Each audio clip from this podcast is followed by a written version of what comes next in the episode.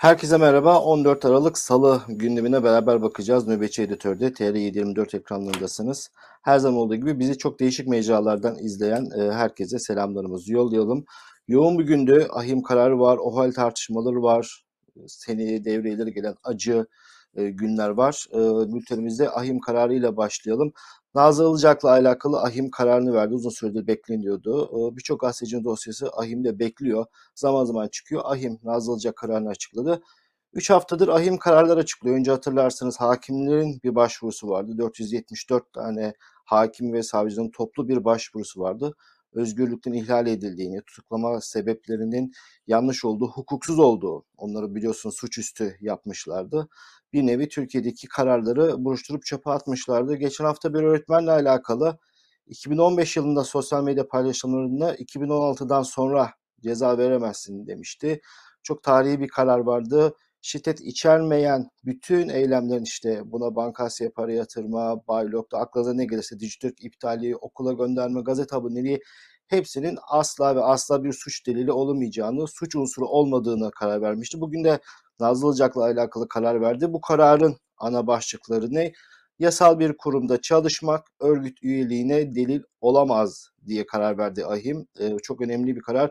Sadece Nazlı özelinde değil, bütün herkesi ilgilendiriyor. Yasal bir kurumda çalışmış olmak terör örgütü üyeliği için yeterli değildir. Birçok mahkeme kararında insanlarla alakalı hiçbir şey bulamadıkları için şunu yazıyorlardı. İşte iltisaklı kurumda çalıştığı için örgüt üyesi olarak hakkında mahkumiyet kararı verilen binlerce insan var. Onlar için çok tarihi bir karar, ahim kararı. Başka ne var kararda? İçeriği belli olmayan e, görüşmelerle alakalı yine suç unsuru addedemezsiniz diyor. Yani içeriğinin ne olduğunu bilmediğim bir görüşmeyle alakalı bunun içinde suç var diyemezsin. Hele hele konuştuğunuz kişiler yıllar yıllar sonra suç takibatına uğramışsa onlarla alakalı da örgüt üyeleriyle ya da suçlu kimselerle bir iletişim olarak da değerlendirilemez demiş Ahim. Mesela bunu ilk akla gelen nedir? İşte aynı baz istasyonuna sinyal verme. Ben Doktor Gökhan Güneş'in e, tweetlerine baktım. O bu konuyu değerlendirmiş. Aynı e, baz istasyonuna sinyal verme gibi saçma bir şey var. HTS kayıtlarına bakıyorlar. Kimi zaman havaalanı gibi binlerce insanın olduğu, maç, konser gibi durumlarda dahi aynı baz istasyonunda sinyal vermişti. İnsanlara mahkumiyet kararı vermişlerdi. Bu da çöpe gitti.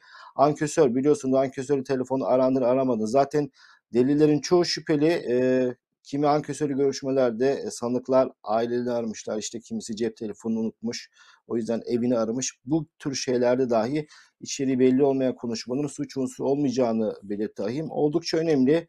E, tarihi kararlar bunlar. E, 3 haftadır AHİM'in kararları geliyor. Yani bir nevi Türkiye'deki içtihatları çöpe atıyorlar.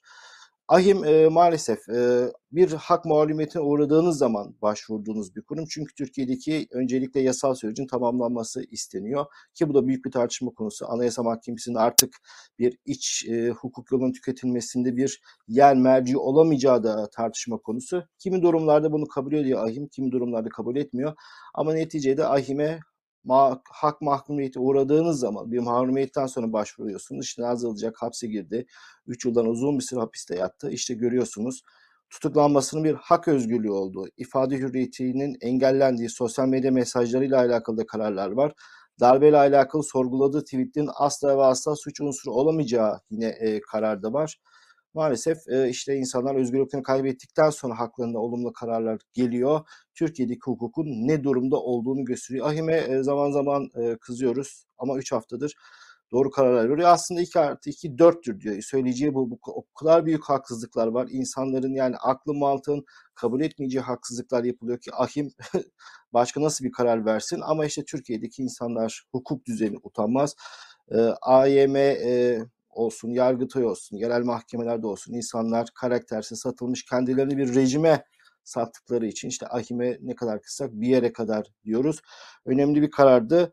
Ahim kararında bir şerh maddesi var. 6 üye oylamış, 5 tanesi büyük bir hak ihlali olduğunu söylerken bir üye şerh koymuş. Acaba hangi üye diye sorsam size herhalde Saadet Yüksel olduğunu söyleyeceksiniz. AKP'nin ahim atadığı. Son iki kararda pek sesi çıkmamış çünkü o kadar çok Ahmetçik davası, Kadri Gürsel davası, Hrant Dink davalarda o kadar akla ziyan şerh maddeleri yazdı ki hele hele ahim başkanıyla beraber Türkiye ziyaretiyle çok göze batmıştı. Herhalde biraz e, kenara çekileyim, e, çok e, suya sabuna dokunmayan e, kararlarda çok da fazla kendimi ön plana atmayayım dedi. Dayanamamış Nazılcak e, kararına şerh yazmış Saadet Yüksel. Ahim kararları bir kez daha gösterdi ki Türkiye'de çok büyük hukuksuzluk yapılıyor. Yerel mahkemeler, Anayasa Mahkemesi, Yargıtay bunları seyrediyor. Bu hukuksuzlukları onaylıyor. Ama gördüğünüz gibi o Abdülhamit Gül e, konuştuğu zaman e, mangalda külü bırakmayan Adalet Bakanı herhalde utanıyordur. Her hafta bir rezalet, her hafta kendi idaresindeki e, sistemin ne kadar hukuksuz kararlar verdiği, insanların özgürlüklerine dokunduğu, hak mağlumiyeti oluşuyla alakalı kararları bilmiyorum. Görünce utanıyor mudur? Tabii utanacağını zannetmiyoruz. Ama bu kararlar önemli çünkü on binlerce insanı ilgilendiriyor. On binlerce insan sadece ve sadece bir kurumda çalıştıkları için, okulda çalıştıkları için, medya kuruluşunda çalıştıkları için ya da aklınıza gelebilecek o iltisak kabul edilen yerlerde çalıştığı için örgüt üyesi kabul edilmişlerdi. Diğer e, amiyane tabirle söyleyeyim terörist ilan edilmişlerdi. Bu akla ziyanlık işte yanlış hesap Bağdat'tan dönüyor diyelim. Bu kararlar daha da gelecek gibi çünkü birçok insanın başvurusu daha AHİM'de bekliyor. O yüzden bu kararlar artabilir. AHİM'in vermiş olduğu kararlardan bir tanesi de bu son Nazlıca kararında gazetecilik faaliyeti suç değildir. Bir kez daha çok net bir şekilde altı çizilmiş. Bu kararın gazetecilik suç değil ama gazeteciler hapishanede Türkiye'de acı bir seneyi devreye geldi. Hidayet Karaca 2014 yılında 14 Aralık'ta e, baskınla e, STV'de e, biliyorsunuz ben e, korumdayım bekliyorum demişti. Gelip Hidayet Karacı'yı almışlardı. Eş zamanlı birçok yere baskın yapılmışlardı. Bunlardan bir tanesi de Zaman Gazetesi'ydi. Ben de o baskın esasında oradaydım. Ekrem İmamoğlu'nu gözaltına almışlardı. Hidayet Karaca işte kaç Sıtkı Karaca oğlu bir mail atmış. 84 aydır hapiste. Bazılarına zulüm 15 Temmuz'dan çok önce başlamıştı. 17-25 polisler olsun. Hidayet Karaca, Mehmet Baransu'yu da unutmamak lazım. İşte fotoğrafı da görüyorsunuz. Saçlara aklar düşmüş. Ama çok pozitif bir görüntü alıyorum ben. İnşallah en kısa sürede özgürlüğüne kavuşacak. Şu an yayını beraber yaptığımız yönetimimiz, yönetmenimiz Zafer Bey de Sıtkı'nın attığı tweet'e e, bir yorum yazmıştı. 3 yıl önce e, Çağlayan'da onlar mahkeme gittiğinde aynı anda nezarethaneye Hidayet Bey'i de getirmişler. E, o herkese moral veren, herkesi teskin eden e, halini anlatmış. Nezaketi beyefendiliğinde unutmadan. Evet, e, Hidayet Bey'i neden içeride? Taşiye diye bir e, örgüt, Diye bir e, grup var biliyorsunuz. Bunlara kumpas kurulduğu iddiasıyla alınmıştı. İşte dizi senaryosunda sözde Taşya grubuyla alakalı talimatlar verilmiş. Hem e, devleti ele geçirmişsin diyeceksin hem de baylo şusu busu var diyeceksin ama mesajı da televizyon dizisinden vereceksin. Yani bu kadar abuk subuk saçma sapan bir şey. Bütün bürokrasi, polisler şunlar emrinin altında diyeceksin. Senin emrinde çalışıyor diye iftira atacaksın. Ama bu polislere de mesajı diziyle vereceksin. Bu saçmalığa e, maalesef mahkeme kayıtlarına geçti. Ciddi ciddi insanları tutuklar. Hidayet Bey işte bu yüzden tutuklandı. Daha sonra e, taşıyıcılarla alakalı biliyorsunuz çok da PR yaptılar. İlk yapanlardan bir tanesi Bülent Arınç'tı. E, bugün defalarca tükürdüğünü yalayan sonra Sayın Cumhurbaşkanımız falan filan deyip e, kameralar karşısında gevrek gevrek konuşan Bülent Arınç da çok büyük bir hak ihlali falan olduğu söylemiş taşıyıcılarla alakalı. O zamana kadar biz dahil gazetede kim bunlar, hangi haber girmiş diye birbirimize sorduk. Sistemler haberleri kontrol ettik. Haberimiz bile yok böyle bir e, organizasyondan, gruptan. Daha sonra bu grubun PR'ı için e, Mehmet Doğan diye bir e, liderlerinden bir tanesini Bekir CNN Türkiye çıkarmıştı. İşte konuşsun, e, cemaat aleyhine konuşsun diye. Adam çıktı ben Üsama Bin Laden'i severiz biz dedi. Bir daha da adamı hiçbir televizyona çıkarmadılar. İşte o Taşyo grubundan Kumpas'tan Hidayet Bey ilk kez tutuklamışlardı. Daha sonra bütün kamuoyunda e, ilgi çekilecek reyting yüksek davaları Hidayet Bey'i de e, monte ettiler. Bir tanesi şike davası. Hidayet Karaca e, Zaman Gazetesi'nde işte bir şike kumpas toplantısına katılmış. O tarihte 6 kişinin ismi zikrediliyor. 2 kişi yurt dışında. 2 kişinin yurt dışında olduğu net bir şekilde ispat edildi. Gizli tanık ifadesi diyorlar. Yani düşünebiliyor musunuz? Sizin hakkınızda e, bir toplantıya katıldın Zaman Gazetesi'nde diye bir gizli tanık. Ben oradaydım, gördüm. Şu şu şu şu vardı diyor. Ve siz yurt dışında olduğunuzu ispat ediyorsunuz. Buna rağmen o gizli tanığın ifadelerine göre ceza veriliyor. Daha sonra gizli tanık ifadesini değiştirdi. Ben aslında toplantıda değildim işte dışarıdaydım gördüm diye ama hiçbir şey değişmedi. Hidayet Bey şike davasından 1406 yıl, taşiyeden 31 yıl ceza verdiler. Düşünebiliyor musunuz bu e, neler yapıldığını? hiç olmayan bir toplantıya katıldığı için e, ceza aldı şike davasında. E, Soner Koç var biliyorsunuz bu şike davasıyla alakalı neredeyse tek başına bir mücadele yürüten soruşturmanın başkomiseri. O dedi ben her şeyi anlıyorum tamam bize verdiniz tamam, biz e, soruşturma yürüten e, polisleriz falan ama Hidayet Karaca nereden geldi bu dosya ben e, bütün dosya hakimim anlamış değilim diye de bir e, yorumu vardı Soner Koç'un. Onun da def- defalarca tweetleri iptal ediliyor. Katıldığı YouTube programları yasaklanıyor. Zerre kadar e, doğruları duymaya tahammül olmayan bir rejimle beraberiz. Hidayet Karaca e, aynı zamanda meslek örgütlerinde başkanıydı. Birçok televizyon kuruluşunda hem e, meslek örgütlerinde başkandı. Ama hiçbir gazeteci örgütü e, kendisine e, sahip çıkmadı. Bu da e, diğer gazeteci meslektaşlarımızın ikiyüzlülüğünün bir göstergesi. E, Hidayet Bey görevdeyken, dışarıdayken işte e, abi abi dedikleri ya şu kararı kanunu beraber hazırlasak televizyonlarla alakalı şu düzenlemeyi beraber yapsak diye kapısına ayrılmadıkları Hidayet Karaca hapse düştükten sonra hepsi sırtını çevirdi. Uluslararası kuruluşlar da öyle. Gazetecilerin tutuklandığı sayılar var biliyorsunuz. Genelde çok seçici davrandıkları işte birkaç tane numune cemaatle iltisaklı olduğu söylenen gazeteciyi alıp birçoğunu görmedikleri o yurt dışı listeler var. Orada da Hidayet Karaca'ya yer vermiyorlar maalesef. Diyelim e, 10-84 ay olmuş. Çok çok uzun bir süre. E, Dileriz en kısa sürede özgürlüğüne kavuşur. Bugün TR24'te iki tane güzel yazı vardı. Beraber aynı mahkeme sonunda yargılandıkları Ekrem Dumanlı ve uzun yıllardır beraber çalışma arkadaşı Metin Yıkaç çok e, duygu dolu güzel yazıları imza attılar. Vaktiniz varsa mutlaka okumanızı diliyorum. Ben okudum. Gerçekten bir kez daha buradan Hidayet Bey'e dualarımızı, selamlarımızı yolluyoruz. Ailesine sabır diliyoruz. Aynı durumda olan e, birçok e, binlerce insanın en kısa sürede özgürlüğüne kavuşmasını diliyoruz. İşte ahim kararlarını görüyorsunuz. Ne kadar hukuksuzluğun yapıldığı, ne kadar e, hukuka tecavüz edildiğini e, gözlemliyoruz. Dünya artık bunları kayda geçiriyor. Tarihi kararlar alınıyor. Milat kabul edilecek kararlar alınıyor. Dileriz en kısa sürede gerçek hukuk işlemeye başlar. Hiçbir şekilde böyle kimseye de bir şey dilenilmiyor. Sadece olması gereken olması lazım. Bu yapılmıyor. Hangi parti şu gider bu gelir hiç önemli değil. Kim kalsın kim gelsin önemli olan e, evrensel kriterlerde hukuk uygulansın. Onun dışında herkes her türlü mahkemeye çıkmaya hesap vermeye zaten dünden razı. Yeter ki gerçek manada hukuk işlesin deyip e, bugün gündemin en önemli konusuna geçelim. O hal. Nereden çıktı o hal tartışmaları? İzzet Özgenç diye bir hukuk profesörü var. Ceza alanında Türkiye'de sayılı profesörlerden biri olarak gösteriliyordu. Erdoğan'la çok yakın.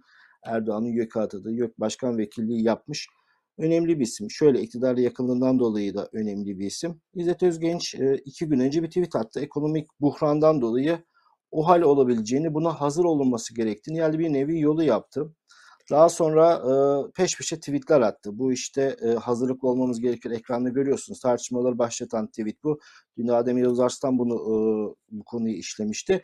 Bu konu kapanmadı. Bu konu daha da e, derinleştiği için bir kez daha e, bugün gündemimize aldık. Çünkü birçok insan bu konuyla alakalı konuşmaya başladı. Türkiye'de muhalif olarak kabul edebileceğimiz ya da muhalif olarak bilinen bütün isimler OHAL topuna girdi. Hükümetin OHAL ilan edeceği işte İzzet Özgenç üzerinden yol yaptı. Kamuoyunu alıştırdığına yönelik yorumlar yapılıyor. İzzet Özgenç daha sonra bir tweet daha attı.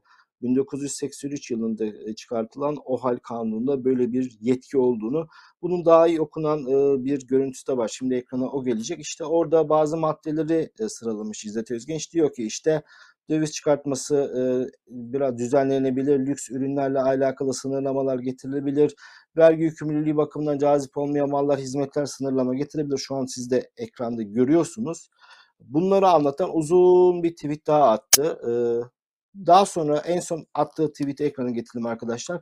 Ben bunları hiç kimsenin telkiniyle e, atmıyorum. Sadece ülke adına duyduğum endişeden dolayı bunları söylüyorum demiş. Enteresan e, bir e, ceza profesörü Türkiye'nin ekonomik sıkıntılarından dolayı o hal ilan edilmesi gerektiğini yani ya da bunun yolunu gösteriyor. Neler yapılması gerektiğini anlatıyor. Konu her ekonomiyle ilgili ehil insanlar konuşsun diyor ama kendisi de bir ceza hukukçusu. Şimdi şu var, e, o hal ilan edilir mi? Şu an Erdoğan'ın adı resmi. O hal ilan edilir mi? Bir kere e, bunların konuşuluyor olması bile büyük bir felaket. Büyük bir iflas sebebi. Çünkü hani e, Türkiye'de olsam ben bu tweetleri görsem ilk ne yaparım? Gider paramı çekerim. Hani bankada paramız hiç olmadı da velev ki var Hemen gider ilk paramı çekerim. Hele hele döviz hesaplarıyla alakalı biliyorsunuz çok felaket senaryoları söyleniyor. İşte döviz hesaplarının o günkü Merkez Bankası kurundan TL'ye çevrileceği, istersen TL var gel al diye deneceğiyle alakalı çok e, felaket senaryolar var. Hemen gider e, dövizimi kurtarım. Bir kere psikolojiyi çok darmadağın eden bir tweet. Yani hükümet yanlısı diyoruz da bu bir kere hükümeti ateş eden e, bir tweet. Eğer maksatlı değilse, eğer koordineli bir şey değilse bu bence hükümete çok zarar veren bir şey. Bu bir panik havası. Zaten e, iflasları ya da ekonomi zaten psikoloji üzerine kurulu. Hangi banka giderseniz gidin herkes aynı anda parasını çektiği zaman hiçbir banka bunu karşılayamaz. O yüzden çok büyük bir panik havası. İkincisi daha da e, önemlisi Erdoğan işte maddeler sıralamış İzzet Özgen şunlar şunlar şunlar olur diye. Hiçbirisi için Erdoğan'ın o hale ihtiyacı yok ki. Yani o Erdoğan'ın Türkiye'de bir kanun ya da bir karar alabilmesi mürekkep ve kağıt. Resmi gazete artık sanal. Gece 12'den sonra resmi gazete yayınlanıyor. Herhangi bir karar alınabilir ve o hal ilan edilmeden alındığı için de bu kadar da bir panik havası olmaz. İşte yurt dışına döviz çıkartmayla alakalı çok rahat Cumhurbaşkanı kararnamesi, kararı neyse artık onun yolu çok rahat Erdoğan karar alabilir. İşte atamalar şunlar bunlar zaten konuşmaya gerek yok. Erdoğan'ın iki dudağı arasında herkesin kaderi, bütün bürokratların kaderi. O yüzden o profesörün yazdığı şunlar şunlar olabilir o halle beraber dediği her şeyi Erdoğan bugün de yapabilir. Yani zaten biz bir nevi o hal rejiminde zaten yaşıyoruz. Adı konmamış bir rejim. Çünkü her şeye bir kişi karar veriyor. O yüzden e, Erdoğan'ın bir o hal ilan etme ihtiyacı yok. He, hangi durumda o halle alakalı e, konular gündeme gelebilir? Seçim erteletmeyle alakalıysa eğer işte bu konuşulabilir ama seçime de bir buçuk yıl var. Bugün o hal çıkartıp bir buçuk yıl sonraki seçimi de bana çok mantıklı gelmiyor açıkçası. Genelde biz hep Erdoğan'ın bir yere savaş açacağını düşünürük. Meğer ülkeye savaş açacakmış. Ermenistan'a açar, Yunanistan'a mı açar falan derken meğer Türkiye'ye savaş açarak o hal getirecekmiş. Olabilir yapmayacakları bir şey değil. Beklenmeyecek bir şey değil. Ben açıkçası bunu düşünüyorum. Hani seçimleri erteletmeyle alakalıysa olabilir ama biz ekonomiyi batırdık, ülke iflas ettirdik ve ülkeyi biz iflas ettirince de kargaşalar çıktı. Ekonomik durumlardan dolayı insanlar birbirini gırtlaklamaya başladı falan. O zaman o hal ilan ediyoruz. Çok sürdürülebilir bir şey mi? Ben ondan emin değilim. O yüzden bu OHAL tartışmalarına birazcık mesafeliyim ama önceden yazıp tartışılsın. Daha sonra gerçekleştiğinde kimse şaşırmasın. Ya, yapılan şeyler bunlar. İktidarın e, çok yaptığı bir şey bu. Ama şu an e, bir güven telkin etmeye çalışırken böyle bir panik havası oluşturacak bir şeye de çok fazla da ihtimal vermiyorum. Ama bu olay çok önemsendi. Bugün e, Meral Akşener insan hakları ve Doğu Türkistan konulu bir sempozyuma katıldı. Ta Doğu Türkistan'la alakalı e, insan hakları ihlallerine e, sahip çıkmaları gerçekten çok takdir edici. 30 kilometre ötedeki e, davalara gitmezler. Ankara'da Sincan'daki davaya gitmezler. Silivri'ye gitmezler. Ama işte milliyetçilik e, sloganlar üzerine kurulu biliyorsunuz. Doğu Türkistan'la alakalı bir panele katılmış. İyi de yapmış. E, o kadar da şey yapmayalım. Bakın e, o halle alakalı Akşener neler diyor. Şimdi olağanüstü hal ilan edilebilir diye bir kavram var. Şimdi dış güçler işi bırakılmış bir kenara sermaye kontrolünden başlayarak e, bankadaki dolarlara yani vatandaşın e, dolar mevduat hesaplarına kadar bazı e, e, adımların atılabileceği gibi bir endişe yaratır ki bu e, Türkiye'nin gerçekten çok çok çok zor duruma iflas etmesine sebep olur. Bu konuda da herkesi ciddiyete davet ediyorum. Çok teşekkür ederim. Sakın ha öyle bir el uzatma olmasın. Evet, e, Akşener'in el uzatma dediği döviz hesapları. Döviz hesaplarına sakın el uzatmayın, iflas olur dedi. Evet, e, aşağı yukarı konuştuklarımızı da Meral Akşener özetlemiş oldu. Dileriz e, böyle bir gelişme yaşanmaz. E, bir çılgınlık olur. Ülkede yani herkesin bankalara koştuğu, mevduatını kurtarmaya çalıştığı bir dönemde çok büyük büyük olaylar olan hani sadece ekonomiyle alakalı asayiş vesaire alakalı. Ha, bunlar defolup gidecekse bunlar yaşansın. Bazen e, insanlar içinden bunu söylemek geliyor ama e, yurt dışından bunları söylemek kolay. E, Türkiye'de milyonlarca mağdur var. Zaten çok zar zor evini geçindiren mağdur var. Onları e, düşünmek lazım. Bazen hislerimize En hayırlısı neyse olsun dedim ama bazen gidişatı bu yapacak bir şey yok. Nasıl bir cerrahı kan görünce kan tutmaz. Aynen biz gazeteciler bu konuları konuşurken de zaman zaman e, sizlere çok ters gelse de sizleri birazcık e, sinirlendirse de bu yorumları yapmak durumundayız. Neticede öyle ya da böyle e, bu iktidarın bir sonu gelecek. E, seçimle gidecek diyenler var.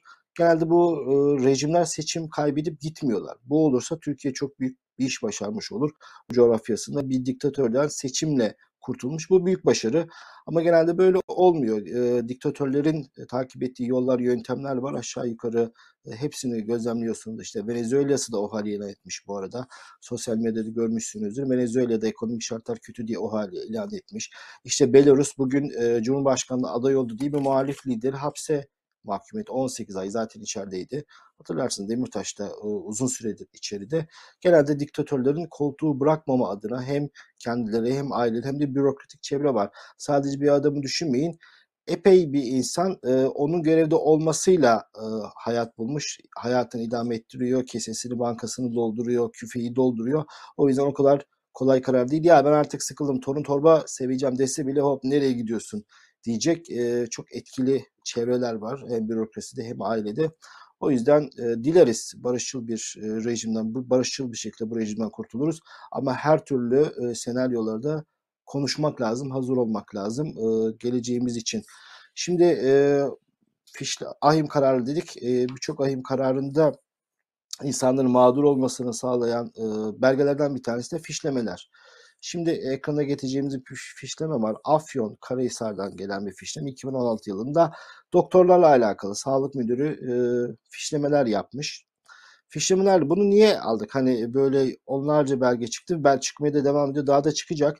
Bu arada bu belgelere imza atanlara geçmiş olsun. Amirleri vesairesi e, belki ellerini yıkayabilir ama bu belgelere imza atanlara geçmiş olsun. Şimdi bu belge kim imza atmış? Lütfü Akgün. Bu kişiyi bir evet görüyorsunuz tipini seveyim yani tipini gördüğünüz bu kişi atmış. Ee, peki bunu niye aldık? Hani birçok fişleme belgesi geçiyor. Artık o kadar absürt bir fişleme ki e, arkadaşlar bir önceki şeyde eğer büyütebiliyorsak azılı FETÖ'cü yani o kadar fişleme e, belgesi gördük. O kadar Nordic'de haber yaptığımı hatırlıyorum. Azılı FETÖ'cü ne ya? Yani iyice kafayı yemişler. Yani artık öyle bir akıl tutulması ki yani bir kere FETÖ'cü yani zaten terörist ya mahkeme gibi karar veriyor. Adamı şikayet edecek hani bununla alakalı soruşturma açabilir. Hani şey yapıyorum. Sadece akıl verme adına değil. Yani hukuksuzluğun en basitini yap. Yok. FETÖ'cü yetmemiş azılı FETÖ'cü. Acaba azılı FETÖ'cüden kastı ne? Yani iki aboneliği mi var? Ne yapıyor? İki çocuğunu mu birden gönderiyor? Nasıl bir azgınlığını gördün? Enteresan çok bir ihtimalle çalışılan kurumdaki en çalışkan, en dürüsttür. Yani en dürüstse, en çalışkansa mutlaka önüne azılıyı öyle getirmiştir diyelim. E, şu adamı bir daha bir görüp öyle veda edelim bu habere değerli yönetmenim. E, işte Lütfü Akgün.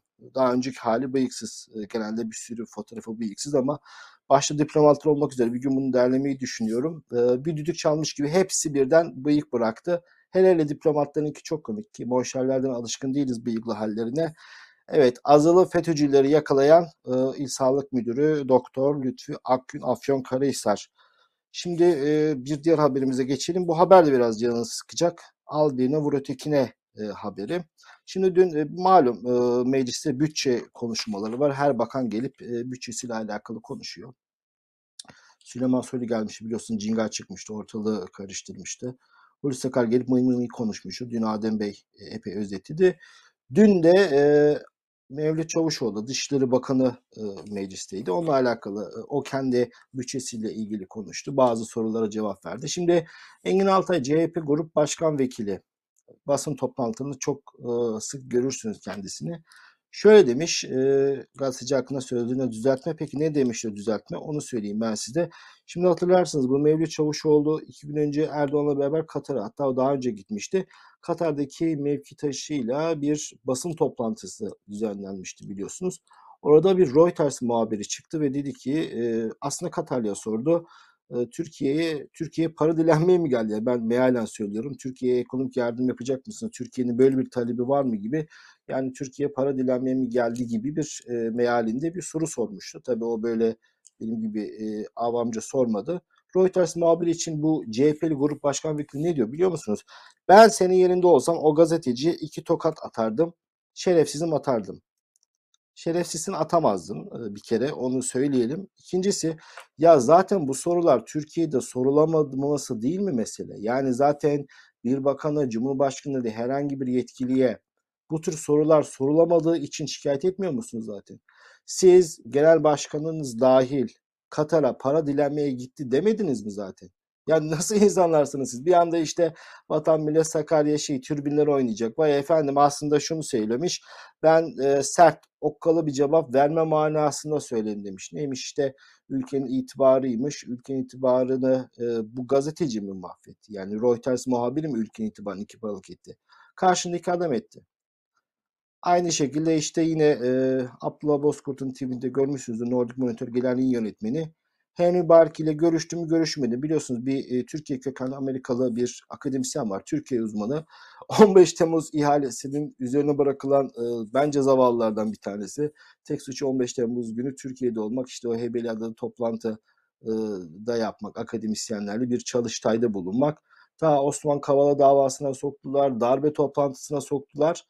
Ve e, onunla ilgili işte e, CHP diyor ki Büyükelçi bununla görüştü mü görüşmedi mi? Çavuşoğlu da cevap veriyor. Bizim Büyükelçi görüşmemiş, senin temsilcin görüşmüş. Yani hiçbir suçu olmayan e, kendi haline bir akademisyeni önce bir CIA ajanı yaptılar. CIA yöneticisi yaptılar. Bu rejim düskürü. Devlet ağzıyla konuşuyor. CHP'nin e, süper zekaları da bu devletin e, ürettiği diskurlarla, rejimin ürettiği diskurlarla bakana soru soruyor. Adam da ne etsin? Benim büyükelçim görüşmemiş ama senin temsilcin görüşmüş deyince de böyle e, popo üstü oturursun aşağıya. Bu kafanız değişmedikçe maalesef al birine vur ötekine. Dediğimiz gibi yani o geldi bu gitti. Çok fazla böyle e, ümit çok büyük çok ümitlenme gerek yok ama bu rejim insanlara zulmeden, insanların hayatlarını karartan bir rejim. Bunun e, yıkılmasında zerre kadar şüphe yok. Ama gelmeyle alakalı yakın vadede çok büyük umutlar olmasın. Yeter ki hukuk uygulansın diyelim. Başka hiçbir şey istemiyoruz. Hukuk uygulansın. Ee, bir sonraki haberimize geçelim. Ee, herkese barışıyoruz. Ee, Birleşik Arap Emirlikleri, Mısır, Suudi Arabistan derken sıra Ermenistan'a gelmiş. Ermenistan'la ilişkilerin normalleşmesiyle alakalı karşılıklı temsilcilikler atandı. Biz de atadık, onlar da atadı. Bir e, güzel mesajlar var karşılıklı gidiyor. Ermenistan e, Dışişleri Bakanı Sözcüsü hiçbir ön şart olmadan ilişkileri düzelmesi için e, müzakerelere hazırız nevinden bir e, sos tweet attı Twitter'da. E, Mehmet Çavuşoğlu da dün mecliste bütçe görüşmelerinde benzer sıcak bir mesaj vermişti. İddialar şu işte e, Türkiye ile Ermenistan'ın yakınlaşmasını özellikle Biden Amerikan yönetimi istiyor ki orada Rusya'nın etkisini kırmak adına bizimkilerin de işine gelen bir şey. Çünkü o kadar çok daraldılar ki herkesle kavgalılar. Lobisi olan e, kurumlarla da çok kavgalar. İşte İsraillerle barışıyorlar. Ermenilerle e, ilişkileri yumuşatacaklar. Hatırlarsınız 2009 yılında Abdullah Gül hemen gözünüzün önüne gelecek. Sarkisyan'la Abdullah Gül Ermenistan'ı ziyaret etmişti. Sarkisyan Türkiye'de maça gelmişti. Olumlu bir hava e, vardı ama gerisi gelmedi. Azerbaycan'ın sert tepkisi vardı. Hatta Bakü'deki Şehitlik'teki Türk bayraklarını çıkarmışlardı. Bunda biraz daha e, Aliyev'le koordineli gittiklerini e, görüyoruz. Bir de tabii savaşın kazanılması, o Karabağ Savaşı'nın kazanılmasından sonra daha e, pozisyon olarak eli güçlü durumda Azerbaycan. O yüzden şu an Türkiye'nin e, ki anlatmışlardır mutlaka sebebini anlatmışlardır. Ermenistan'la da barışıyoruz. Hayırlı uğurlu olsun. E şimdi herkese kavgalısın sonra herkese barışıyorsun. E biz bu pisliği neden yedik kısmına doğru gidiyor maalesef. Bakalım barış sulh esastır. Ee, diğer ülkeler ilişkilerin iyi olmasına da itiraz edecek değiliz. Hani herkesle kavga edince niye kavga ettin diyoruz. Barışınca da niye barıştın diyecek halimiz yok ama niye zamanda ilişkileri bozdun diyebiliriz. Ee, Gökçek'in e, cipiyle devam edebilirim. 2017'de biliyorsunuz e, Melih Gökçek e, kulağından çekilip onursuzca belediye başkanlığından indirilmişti, istifa ettirilmişti işte metal yorgunluk falan denmişti. Neyse 2017'de neticede defolup gitti Melih Gökçek. Ama birçok e, hatırası kalmıştı. E, giderken belediyeden de bir cip götürmüştü. E, devletin, e, belediyenin resmi cipini götürmüştü Melih Gökçek. Zırhlı bir cipmiş. Daha sonra seçimler kaybedince, daha sonra biliyorsunuz başka bir AKP'li, belediye meclisi başka bir AKP'li seçmişti. Adını sanını unuttuk. Düşün işte. Bir kişi daha gelmişti Onu zamanında da cipi teslim etmemiş. Yani belediye başkanlığından istifa ettikten sonra cipi götürmüş. Başka bir belediye başkanı geldi AKP'den. Onu zamanında da cipi kullanmış. En nihayet Mansur Yavaş seçimleri kazandı. E bir baktılar ki cip e, Gökçek'te şu cipi iade et, iade et, iade et. Yıllarca direndi. En son cipi iade etmiş. Bir de üstüne şey yapıyor. Trip atıyor. Mansur'un yaygarasından sonra artık bırakıyorum cipi diye. Bana bu cipi valilik vermişti diyor. Bir kere valilik sana cip verse belediyenin cipini vermez. E, Başka bir sana araç eğer güvenliğine alakalı bir şey varsa valilik elinde bir sürü imkanlar var. Öyle belediyenin cipini almaz. E, Bunu niye konuşuyoruz? Çünkü bunlar bir cip için bu kadar çirkinleşen bir adamların milyon dolarlar, milyar dolarlarla ilgili neler yapabileceklerini gözlerimizin önüne getirelim diye bu cip meselesini yapıyoruz. E, nihayet teslim etmiş Melih Gökçek. E, Melih Gökçek için bir cip nedir ki? Zırhlı bir cip nedir ki? Türkiye'de milyar dolarları olan ailelerden bir tanesi kendisi. Neşeli mi e, diyeceğimiz bir haberle bitirelim. İsimler değişmeye başlamış. E, Afşin Elbistan'da soyadı Erdoğan olan bir aile 2015 yılında doğan çocuklarına Recep Tayyip ismini vermişler. Ama e, ismi değiştirme kararı almışlar. Enteresan. Daha kral hayattayken ismi değiştirdiklerine göre neden değiştirdiğini bilmiyoruz ama bir tepki olduğu çok açık. Çünkü kral daha hayatta. Kral hayattayken kralın ismini siliyorlar. Aras ismini vermişler. Bu e, değil herhalde arkadaşlar. Bildiğim kadarıyla bu 300 haberi birçok 300 de tabii o zaman Recep Tayyip Erdoğan diye. Bunların şansı var. Bunlarla ilgili bir sorun yok. Bunlar e, Recep tek başına, Tayyip tek başına, Erdoğan tek başına gideri var. Ama Recep Tayyip adın e, yakın zamanda Türkiye'de işin zor. Çünkü bu rejim devrildikten sonra adın Recep Tayyip olunca öyle çok da e, insanlar sana pozitif bakmayacaklar. İyi yapmışlar. Erken bir karar almışlar. E, cesur bir karar. Yani daha kral hayattayken dediğim gibi neticede devrildikten sonra birçok isim değiştirmeleri e, göreceğiz. Şimdi e, başka bir haber var ekranda. E, bazen isteseniz de değiştirmiyorsunuz. Recep Tayyip ismini değiştirmek için e, gitmişler. E, memur demiş ki ya ben bu ismi değiştirirsem beni sürerler buradan diye e, cevap vermiş. Ayak diretmiş. Yani esas olması gereken bu. Şu an e, Türkiye'de istesen de ismini değiştirememen lazım.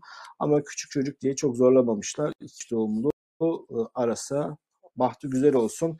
İnşallah bir daha böyle hatalar yapmaz e, annesi babası diyelim. Dediğim gibi tek Recep, Tayyip ya da Erdoğan var. Tayyip de belki birazcık şeyi hatırlatabilir ama ama Recep Tayyip oldu mu e, bu çok fazla. E, bu çok fazla.